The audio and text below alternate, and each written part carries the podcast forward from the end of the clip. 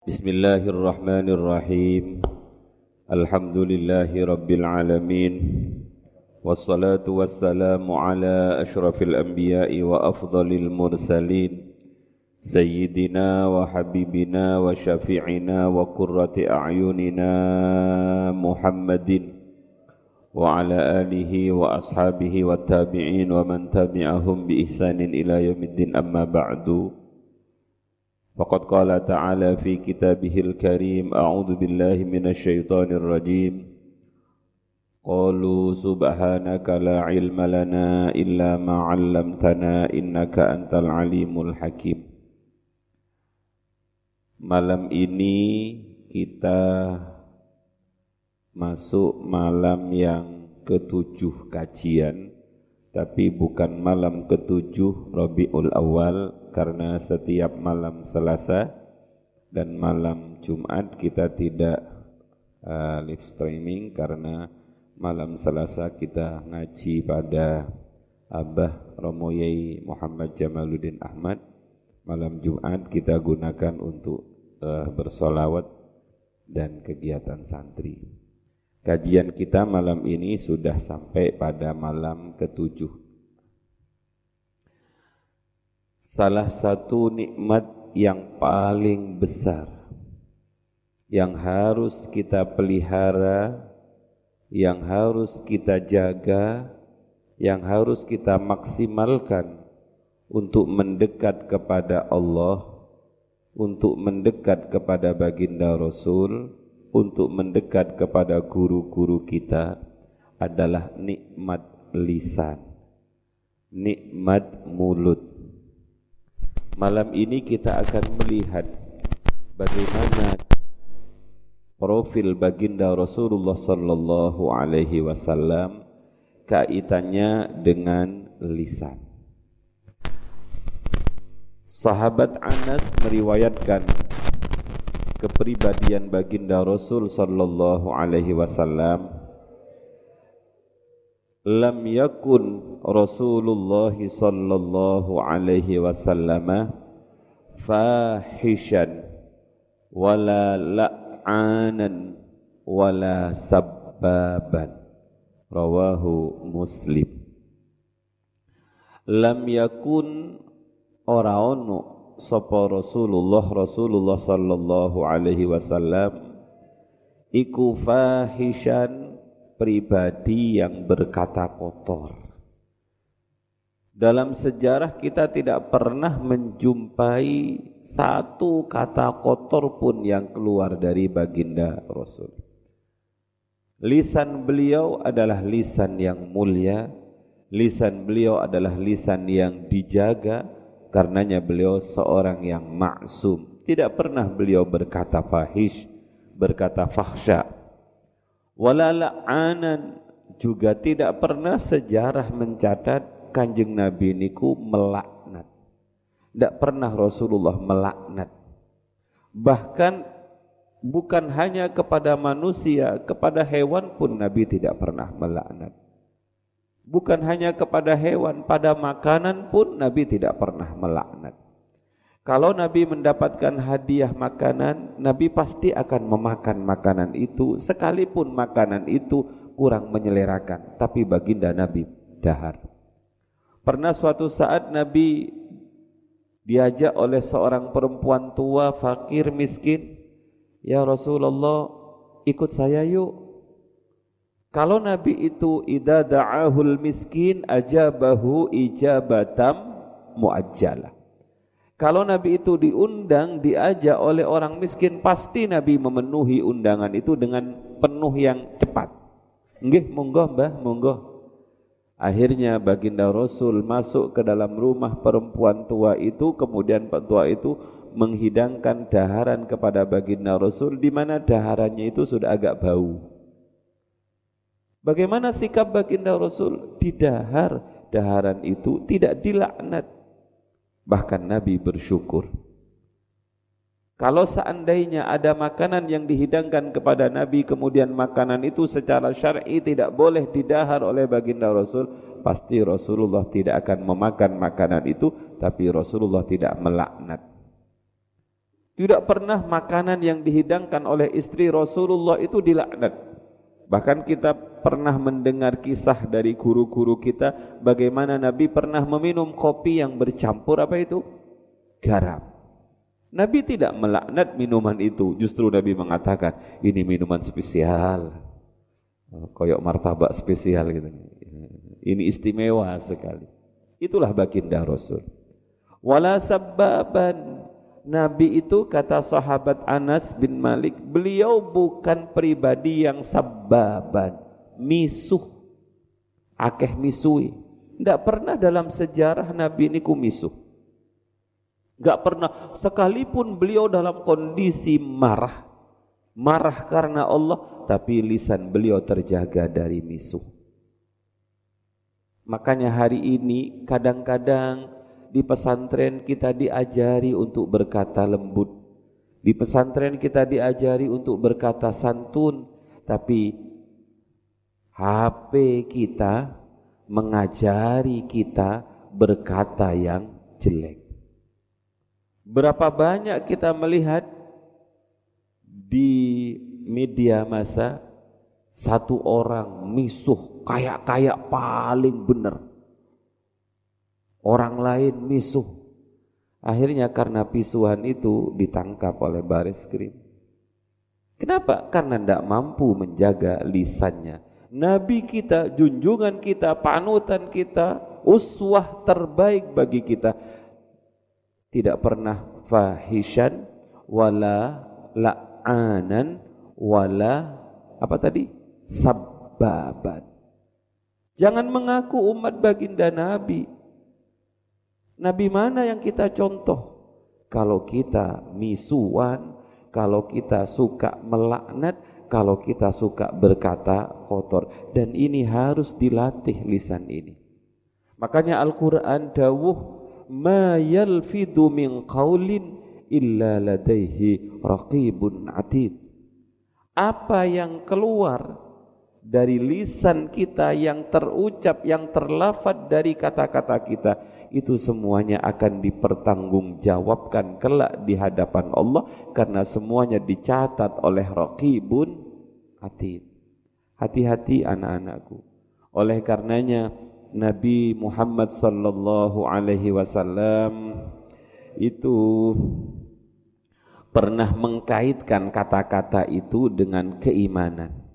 Man kana yu'minu billahi wal yaumil akhir falyakul khairan au liyasmut.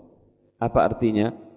Man kana yu'minu billahi wal yaumil akhir, siapa pun orangnya yang beriman kepada Allah, beriman kepada hari akhir, ini taruhannya iman. Maka falyakul khairan hendaklah berkata dengan kata-kata yang baik. Falyakun khairan falyakul khairan. Kalau tidak bisa berkata baik auliyasmut atau diam. Hati-hati jangan apa ya jangan terlalu royal jangan terlalu gampang mengeluarkan kata-kata tapi insya Allah lisan yang setiap hari darinya keluar ayat-ayat Allah lisan yang darinya setiap hari keluar pujian-pujian kepada Rasulullah. Lisan yang setiap hari digunakan untuk berzikir kepada Allah. Maka sulit susah untuk mengatakan kata-kata yang jelek. Sebaliknya lisan yang jarang digunakan berzikir kepada Allah lisan yang jarang digunakan membaca ayat-ayatnya Allah lisan yang jarang digunakan untuk bersalawat kepada Rasulullah, maka lisan itu akan mudah berkata-kata jelek. Mari kita biasakan ngulinaknu lisan kita ini dengan sesuatu yang baik. Kalau tidak bisa, lebih bagus diam. Sebab setiap kata yang keluar itu ada perhitungannya kelak di hadapan Allah. Sebuah makalah yang sering dan masyhur kita dengar salamatul insan fi hifdil lisan. Selamatnya manusia itu tergantung seba, seberapa jauh dia menjaga lisannya. Seorang penyair berkata begini, Bila pedang melukai tubuh, maka masih ada harapan untuk sembuh. Tapi kalau lidah sudah melukai hati, ke mana obat hendak dicari. Ditulis bagus itu. Bila pedang melukai tubuh, maka masih ada harapan untuk sembuh. Ada betadin, dijahit dan lain sebagainya. Tapi kalau sudah lisan terlanjur menyakiti hati, maka ke mana obat hendak dicari. Susah. Orang yang pernah berkata jelek kepada seseorang, maka kata-kata itu akan akan menancap di dalam hati orang itu dan susah untuk dibuang. Karenanya jangankan ucapan, tindakan jelek pun itu akan menancap di dalam hati seseorang. Suatu saat Rasulullah sallallahu alaihi wasallam disewani oleh seorang ibu-ibu gendong anaknya ingin minta doa kepada baginda Rasul. Ini tradisi yang bagus. Ada ibu-ibu sowan kepada baginda Rasul kemudian di hadapan Rasulullah, "Ya Rasulullah, tolong doakan anak saya." Bahasa sekarangnya tolong suwu anak saya. Begitu anak itu digendong oleh baginda Rasul, nggih, sini Bu, sini sini, digendong oleh Rasulullah karena saking cintanya Rasulullah kepada anak-anak. Begitu didekat, digendong oleh baginda Rasul, ternyata anak itu betah di gendongan Rasulullah, cirinya betah ngompol di Rasulullah. Ini anak gak tahu diri ini, gak tahu siapa yang gendong. Ya memang masih kecil, begitu digendong, diayun-ayun oleh Rasulullah, didoakan oleh Rasulullah, tiba-tiba ngompol. Malu ibunya, maka anak itu diambil dengan kasar oleh sang ibu. Mungkin saja ibunya jiwit atau yang lain, karena saking malunya kepada baginda Rasul atau diceples. Apa kata baginda Rasul? Bu, bu, sebentar jubah saya yang terkena najis pipis anak jenengan itu sangat amat mudah saya sucikan. Kalau anak itu laki-laki masih belum makan apa-apa kecuali air susu, cukup di apa? Disiram. Tapi kalau anak itu sudah makan apa-apa, harus dihilangkan rasa, bau dan warnanya. Artinya jubah saya yang terkena najis pipis anak jenengan itu dengan mudah saya bersihkan, dengan mudah saya cuci. Tapi perlakuan ibu yang kasar seperti itu akan menancap di hati dan ingatan anak ibu. Akhirnya ibu itu sadar, kemudian dia menangis dan memohon maaf kepada baginda Rasulullah sallallahu alaihi wasallam. Itulah Rasulullah kita, itulah panutan kita, itulah uswah kita anak-anakku. Betapa indahnya pribadi ini, betapa lembutnya pribadi ini, berapa betapa santunnya pribadi ini. Ada seorang yang datang kepada baginda Rasul bertanya kepada baginda Rasul. Pertanyaannya begini, Ya Rasulullah, dullani ala amalin yudkhiluni al-jannata. Ya Rasulullah, dullani ajari saya, tunjukkan pada saya ala amalin terhadap amal yudkhiluni yang akan memasukkan saya al jannata pada sorga. Ya Rasul, tolong ajari saya perbuatan amal yang bisa memasukkan saya ke dalam sorganya Allah. Faqala Rasulullah sallallahu alaihi wasallam, Inna min mujibatil maghfirah badlus salam wa husnul kalam rawahu at-tabarani Inna min mujibatil maghfirati sesungguhnya yang mendatangkan menyebabkan menjadikan orang mendapatkan ampunan dari Allah satu adalah badlus salam, menebar salam. Yang kedua, wa husnul kalam. Husnul kalam. Apa husnul kalam itu? Kata-kata yang baik. Jadi semuanya itu dari lisan. Bukan dari tangan, bukan dari kaki, tapi dari lisan. Badlus salam, mengucapkan salam ketika kita bertemu dengan orang lain, itu namanya badlus salam, lisan yang akan yudkhiluni al jannah. Kemudian husnul kalam juga kata-kata. Maka yang paling cepat menyampaikan seseorang kepada surga adalah lisannya apabila lisan itu digunakan untuk badlus salam wa husnul kalam. Itu yang selanjutnya. Sebagai akhir dari pertemuan yang sangat mulia ini, ada sebuah kisah. Seorang laki-laki berkata kepada baginda Rasul. Ada sahabat yang datang menjumpai Rasulullah bercerita. Jadi sahabat ini bercerita ingin mendapatkan penilaian, ingin mendapatkan pelajaran dari baginda Rasul karena sahabat ini melihat dua tetangganya yang berbeda. Di hadapan Rasulullah, laki-laki ini berkata, "Ya Rasulullah, inna fulanata tuksiru min salatiha wa sadaqatiha wa siyamiha ghaira annaha tu'di jiranaha bilisaniha. Qala hiya finnar. Naudzubillah wal billah. Ya Rasulullah inna fulanata sesungguhnya ibu fulanah jadi para sahabat itu kalau mau matur ingin mendapatkan petunjuk dari Rasulullah tidak pernah menyebut nama. Bu A, Bu B tidak, tapi menyebut Bu Fulanah. Ya Rasulullah ada seorang perempuan fulana dia adalah perempuan yang tuksiru min solatiha. Tuksiru ngakeh-ngakehake sopo fulana min solatiha dari solatnya fulana dia adalah orang yang gemar solat sunnah wasadaqatiha juga banyak bersodakoh wasiyamiha dan dia juga orang yang memperbanyak puasa sunnah artinya perempuan ini perempuan top untuk urusan ibadah dengan Allah Subhanahu wa taala. Salatnya jos. Apalagi sodakohnya luar biasa. Puasanya juga wah hebat sekali.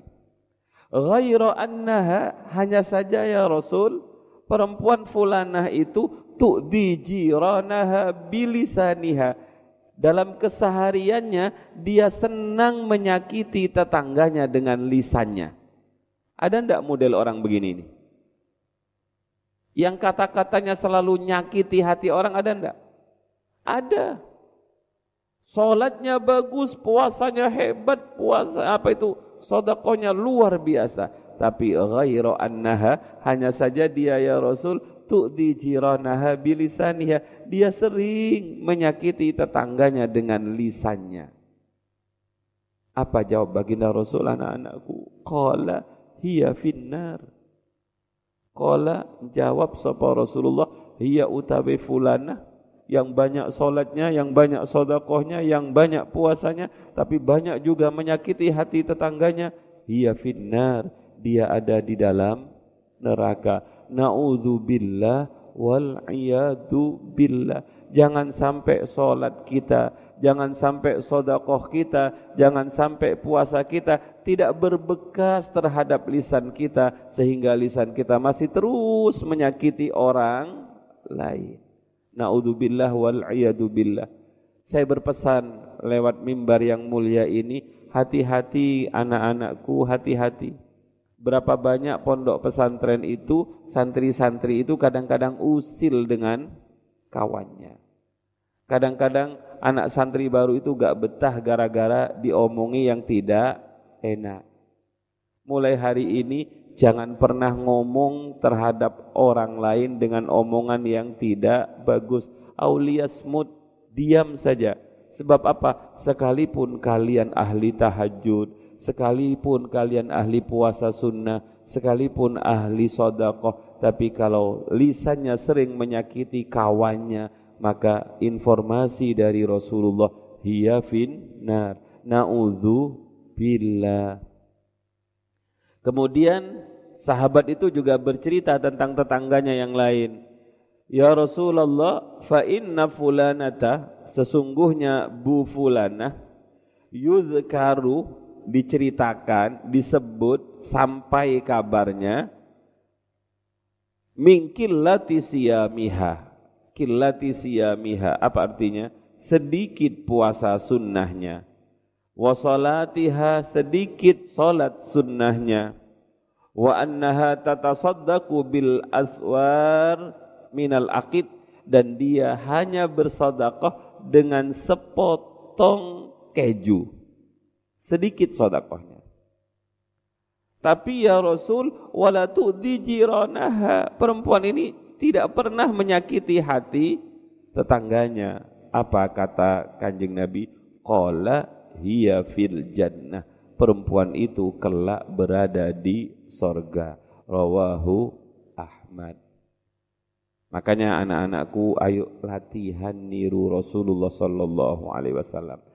Bagaimanapun hiruk pikuknya politik kita, bagaimanapun hiruk pikuknya media massa yang satu mencaci yang satu, yang lain menghardik yang lain, sudah ikuti Rasulullah. Bagaimana cara ngikuti Rasulullah? Ikuti guru-guru kalian. Lihat bagaimana Mbah Yai Jamal. Lihat bagaimana Mbah Yai Jamal Pernahkah beliau berkata jelek terhadap orang lain? Tidak. Sudah kita ikuti orang-orang yang warasatul anbiya. Al ulama warasatul anbiya. Daripada lisan kita ini menyeret kita ke dalam neraka, maka jangan sampai kita menggunakan lisan ini untuk hal-hal yang negatif. Makanya kata kanjeng Nabi, kalau bisa ngomong baik, kalau nggak bisa diam. Kalau dalam dunia sufi anak-anakku, biasanya orang-orang sufi itu lisanuhum rutoban bidzikrillah. Lisannya itu basah dengan berzikir kepada Allah. Anak-anak Al-Quran, anak-anak tahfidz, lisanuhum rutoban bikiraatil Quran. Lisanuhum rutaban bis salawat. Lisanuhum rutaban bil alfiyah dan lain sebagainya. Semoga kita bisa meniru baginda Rasulullah sallallahu alaihi wasallam. Saya ulangi lagi eh, awalnya hadis yang pertama yang saya sampaikan tadi Rasulullah itu bukan pribadi lam yakun ikuti saya lam yakun Rasulullah sallallahu alaihi wasallam fahishan wala la'anan. Wala sabbaban. Rasulullah itu bukan pribadi yang fahishan la'anan wala azaban. Tapi pribadi Rasulullah itu sebagaimana disampaikan oleh baginda Rasul inni lam ub'ats la'anan wa innama bu'istu rahmatan. Nabi itu beliau tahu saya tidak diutus untuk melaknat tapi saya diutus membawa rahmat. Mudah-mudahan bermanfaat.